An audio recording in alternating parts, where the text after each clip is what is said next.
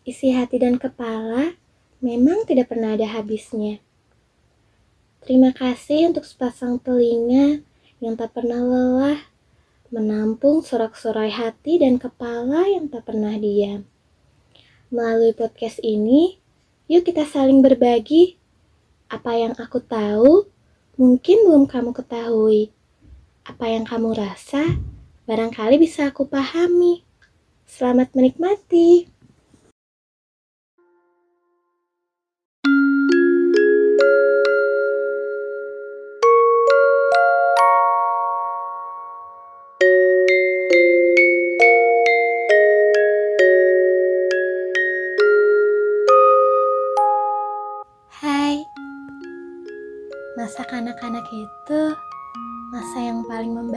Membahagiakan ya. Masa di mana kamu bisa tertawa lepas tanpa beban. Masa di mana kamu bisa menangis karena hal sepele tanpa takut disalahkan. Apa yang ingin kamu lakukan kalau kamu bisa kembali ke masa kanak-kanak itu? Hmm, bermain layangan hingga putus.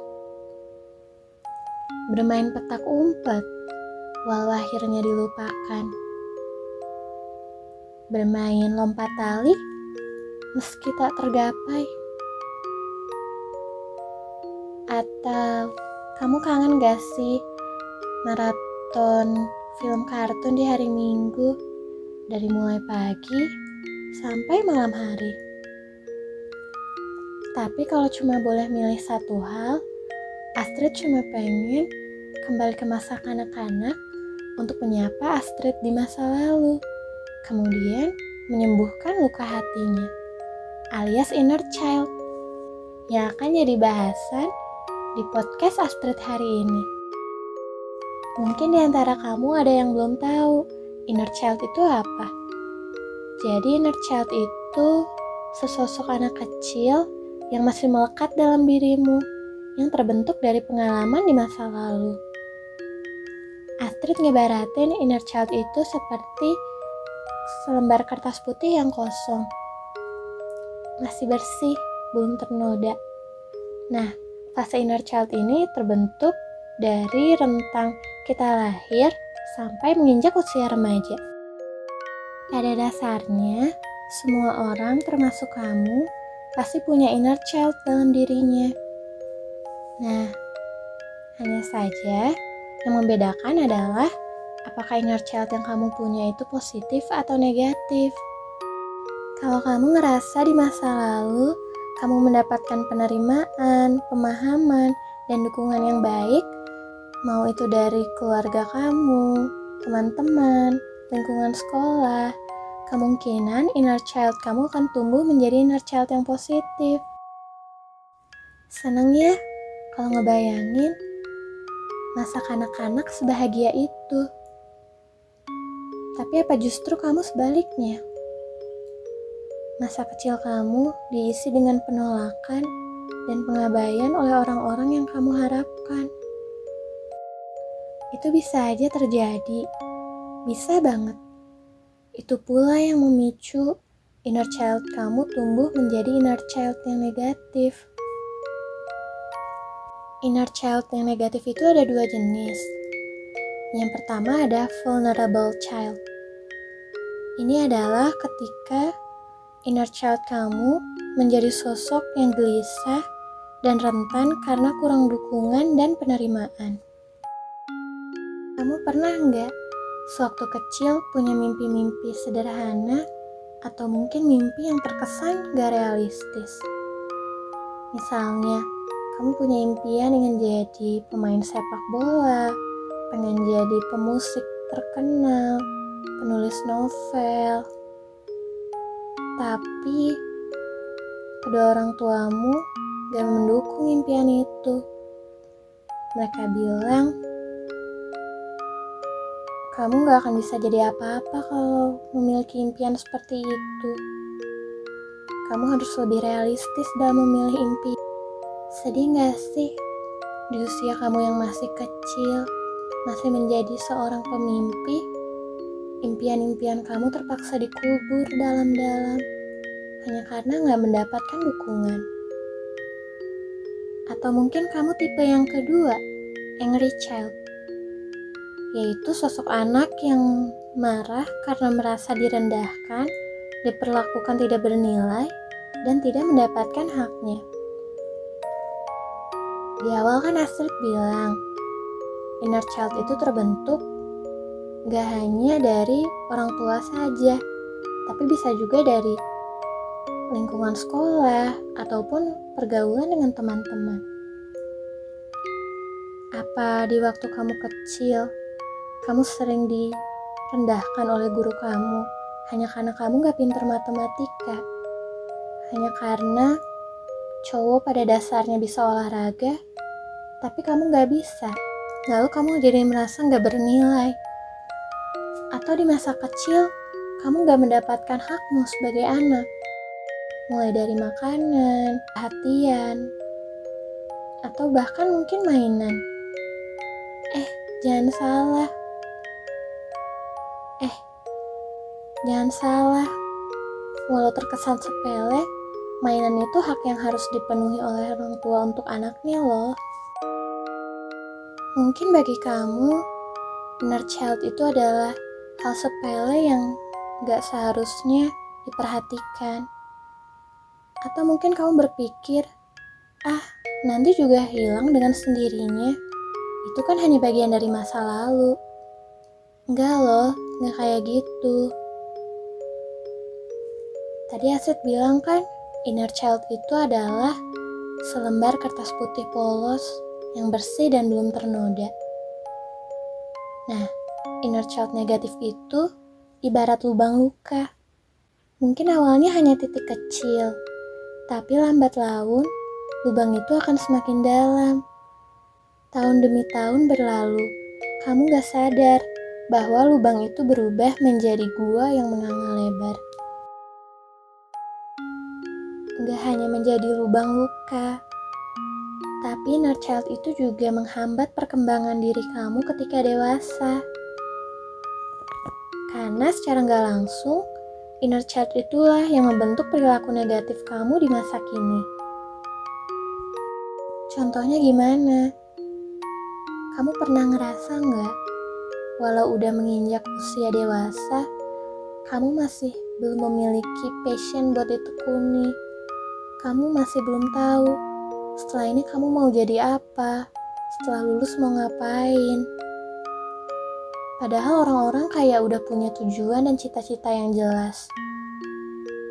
Mungkin bukan salah kamu, bukan kamu yang gak punya passion, tapi ini karena sewaktu kamu kecil, kamu punya banyak mimpi yang bagian akhirnya gak dapat yang bagian akhirnya gak mendapat dukungan dari orang-orang sekitar kamu. Entah itu orang tua kamu yang menganggap mimpi kamu itu gak realistis. Entah itu guru-guru kamu yang menganggap kemampuanmu gak, gak sampai untuk mencapai mimpi itu. Entah mungkin itu teman-temanmu yang merasa kamu hanya penghayal.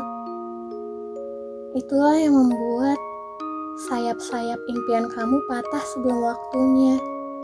Itulah yang membuat kamu ngerasa kamu gak punya tujuan hidup karena kamu takut apa pun yang jadi impian kamu gak akan dapat dukungan dari lingkungan sekitar.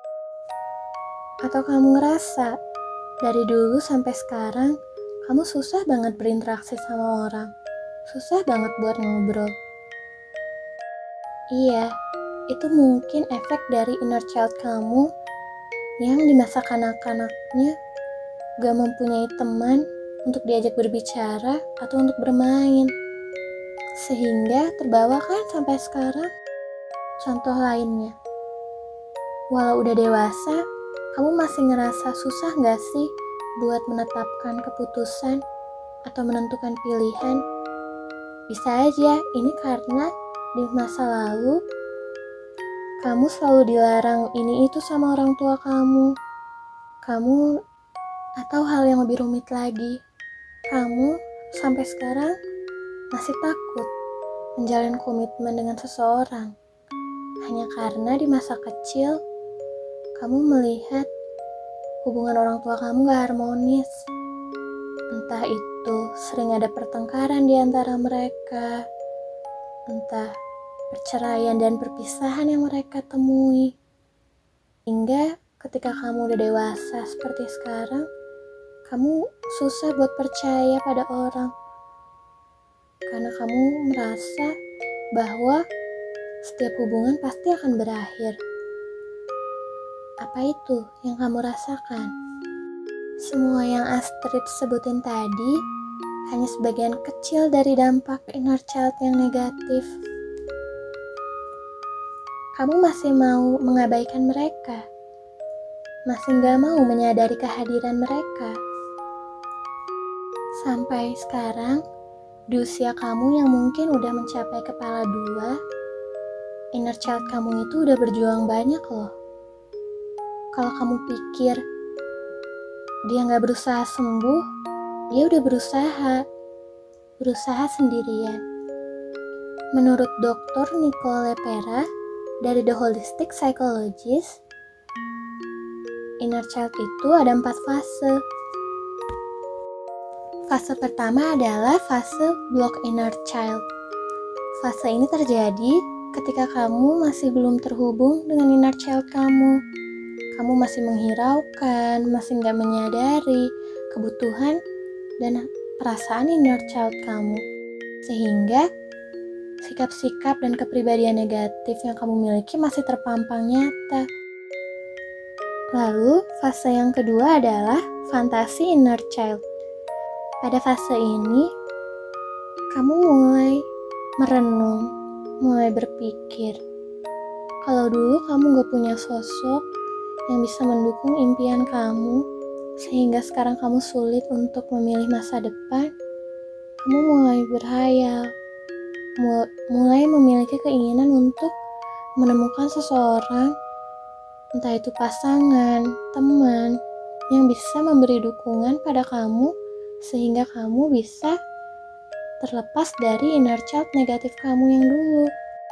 Kalau misalnya kamu takut berkomitmen karena melihat orang tua kamu yang akhirnya berpisah, mungkin ketika kamu ada di fase ini, kamu mulai memiliki harapan.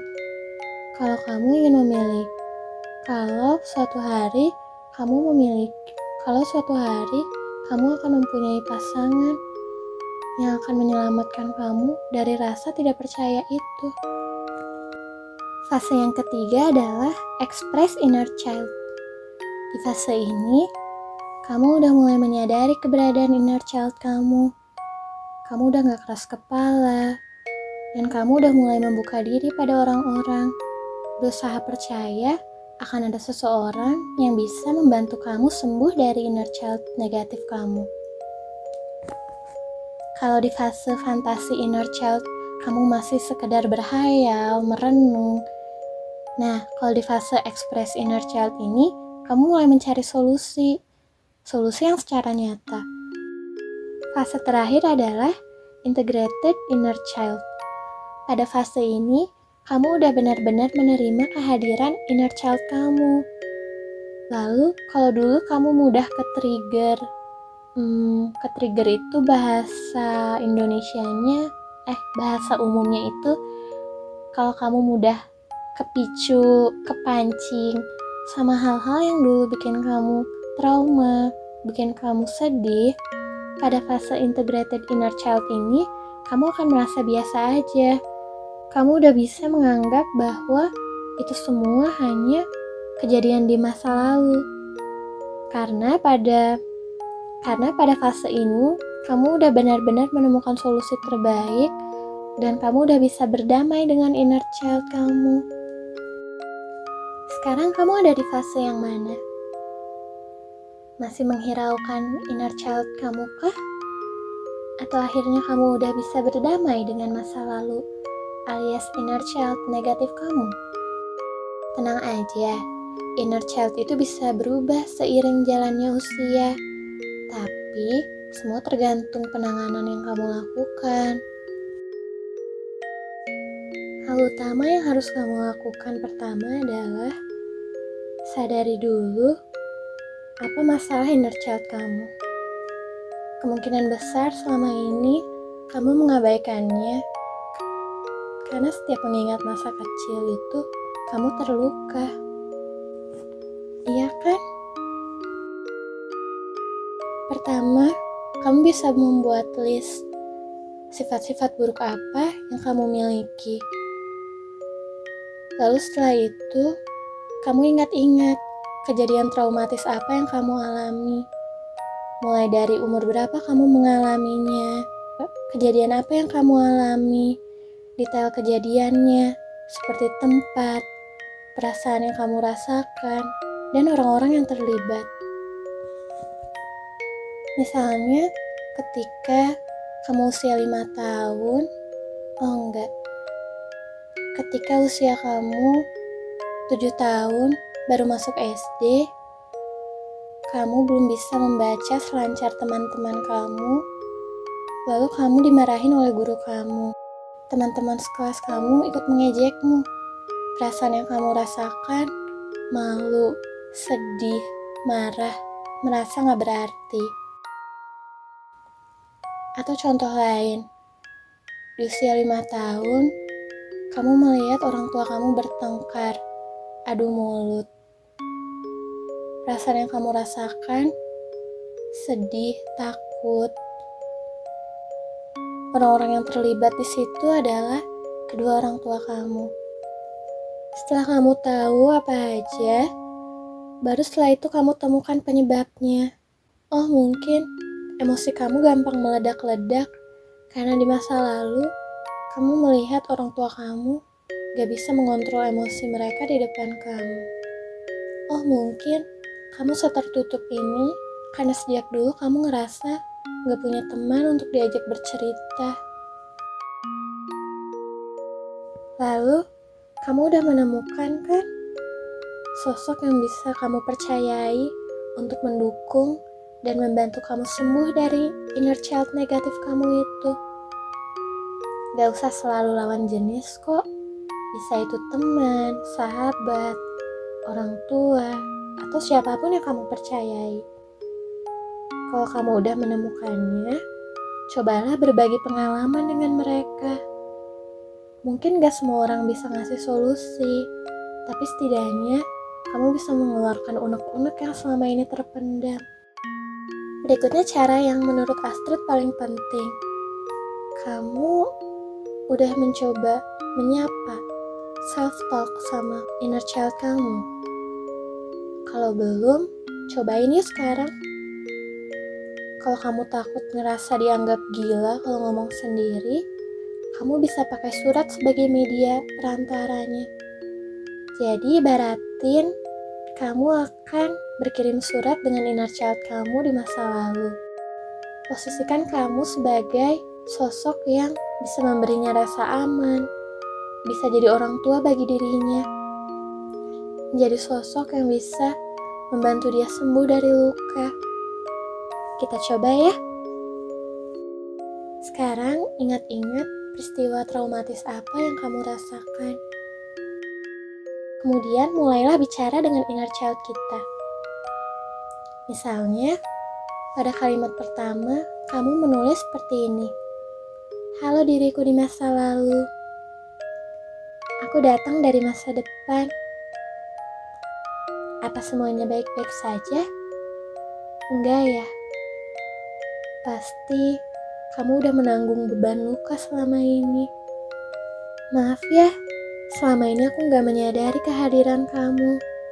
Sering mengabaikan rasa sakitmu, sehingga kamu tiba-tiba sering muncul dan melakukan hal yang tidak sewajarnya. Kenapa kamu masih sering menangis? Melihat keluarga yang bahagia utuh dan harmonis.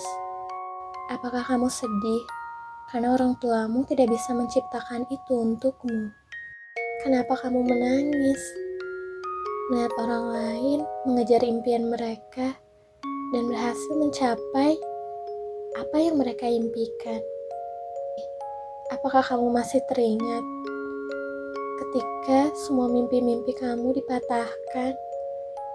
seolah tidak ada yang mendukung semua harapan kamu. Kenapa kamu menangis ketika melihat orang-orang memiliki banyak teman, memiliki lingkaran pertemanan yang tampaknya sangat membahagiakan? Apakah kamu merasa sejak dulu kamu gak punya teman untuk diajak berbicara? Kamu ngerasa gak punya siapa-siapa yang bisa diajak berbagi suka dan duka. Setelah itu, secara gak sadar mungkin inner child kamu akan menjawab. Iya, aku sedih. Kenapa saat ambil rapot, teman-temanku datang bersama mama papa mereka. Mama papa mereka terlihat begitu bangga, sedangkan aku mama papa aku nggak datang. Padahal aku udah dapat ranking gede. Iya, aku sedih. Aku selalu ingin bercerita, entah pada siapa pun itu. Tapi aku ngerasa aku nggak punya siapa-siapa. Aku nggak tahu harus cerita ke siapa. Setelah inner child kamu akhirnya mengeluarkan unek-unek mereka, seluruh isi hati mereka. Saatnya lah kamu menyikapinya seperti kamu menjadi orang tua bagi mereka. Hibur dia, yakinkan dia kalau dia nggak akan sendiri. Kamu bisa memberi tanggapan seperti, Oh alah begitu, gak apa-apa, aku ngerti kok perasaan kamu. Kamu udah melakukan semua hal yang terbaik. Kamu hebat kok di usia segitu. Maaf ya udah biarin kamu sendiri selama ini. It's okay to feel sad. It's okay to not be okay. You trying the best you can. Kamu hebat. Kamu udah berusaha. Anak kecil kadang tidak membutuhkan solusi, bukan? Yang dia butuhkan hanyalah kehadiran seseorang dan pujian untuk menguatkan dan meyakinkan dia bahwa dia nggak sendirian. Mungkin saat pertama kali kamu melakukan self-talk dengan inner child kamu, hati kamu akan terasa sakit sekali. Karena kamu dipaksa mengingat semua peristiwa traumatis itu, dipaksa membuka lebar luka-luka itu mungkin kamu akan kembali menangis. Tapi percayalah, semakin sering kamu berbincang dan bertukar kabar dengan inner child kamu, kamu akan semakin merasa baik-baik saja. Tenang aja, akan ada masanya ketika kamu melihat hal-hal yang dulu memicu emosimu, nanti akan terasa biasa saja. Mau kan pelan-pelan mencapai tahap itu? Nah, lalu gimana kalau sebaliknya? Orang terpenting bagimu, orang yang kamu sayangi, ternyata memiliki inner child negatif atau luka di masa lalu.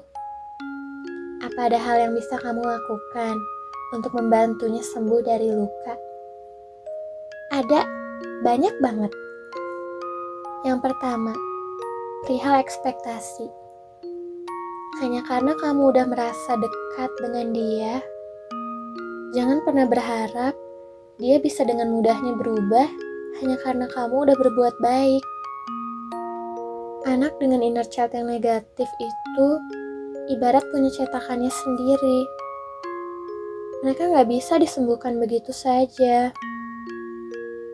Mungkin kamu udah berbuat baik, kamu ngerasa udah selalu ada buat mereka. Tapi tolong, jangan pernah sekalipun kamu berekspektasi tinggi bahwa hanya dengan kebaikan kamu, mereka bisa berubah begitu saja, mereka bisa sembuh begitu saja. Kalau kamu seperti itu, justru akan jadi bumerang bagi dirimu sendiri. Kalau kamu memiliki ekspektasi dapat menyelamatkan atau menjadikan dia orang yang lebih baik, kamu akan terluka. Kamu akan kecewa karena ekspektasi kamu itu. Tapi jangan mudah menyerah ya. Kamu harus paham bahwa butuh waktu lama untuk bisa memperoleh memenangkan kepercayaan dari seseorang yang memiliki inner child yang negatif. Anak dengan inner child negatif itu seolah memiliki sensor. Apakah betul kamu serius ingin menolongnya? Atau mungkin kamu hanya menjadi salah satu orang dari sekian banyak yang sekedar ingin tahu setelah itu berlalu. Lalu perlahan, kalau kamu udah mulai mendapatkan kepercayaannya, jangan coba-coba menyelesaikan permasalahannya tanpa diminta. Kamu tahu, anak dengan inner child negatif itu sudah bertahun-tahun larut dalam masalahnya. Tidak mungkin bisa diselesaikan dengan waktu satu kali pertemuan. Kamu pikir selama ini dia gak berjuang? Sudah. Tapi ya itu, gak bisa dengan mudah selesai begitu saja. Kecuali kalau dia meminta pertolongan kamu, barulah kamu coba untuk beri dia pertolongan. Entah itu mungkin kamu rujuk dia ke tenaga medis seperti psikolog, atau pokoknya kamu tanya dulu hal apa yang bisa kamu lakukan. Biarkan dia yang berbicara. Intinya gini, selalu berikan support dan dukungan dalam bentuk garansi kehadiran. Garansi kehadiran untuk senantiasa mendengarkan, membantu dia ketika dia butuh, meyakinkan dia dia nggak sendiri dan bisa sembuh dari luka. Jangan pernah menghakimi mereka ya. Dan tentu saja yang paling penting dan paling utama, ingat gak ada usaha yang akan berhasil tanpa adanya doa. Setelah kamu melakukan semua hal yang kamu bisa lakukan, entah itu untuk menyembuhkan inner child negatif kamu ataupun inner child negatif orang lain, berdoalah kepada Allah, kepada Tuhan. Kita minta semoga luka di masa lalu, luka batin kita ataupun orang lain akan sembuh seiring usaha dan usia kita. Mau tidak mau, suka atau tidak suka, kita pasti bertambah tua. Tapi semoga seiring bertambahnya usia, sikap kita semakin dewasa dan kita berdamai dengan inner child kita. Perasaan kamu setelah dengar ini gimana? Jadi makin rindu ya sama inner child kita? Astrid doakan kamu, kita bisa secepatnya ketemu sama anak kecil di masa lalu itu. Tapi ingat, Jangan hanya sekedar bertemu. Langsung selesain apa yang semestinya selesai ya. Udah terlalu lama kamu dan dia berjalan berlawanan arah. Semoga setelah ini langkah kalian bisa seirama. Satu hal yang mesti kamu tahu. Luka di masa lalu itu bukanlah salahmu. Tapi sembuh dari luka adalah tanggung jawabmu. Bisa kan tumbuh sama-sama bareng inner child kamu?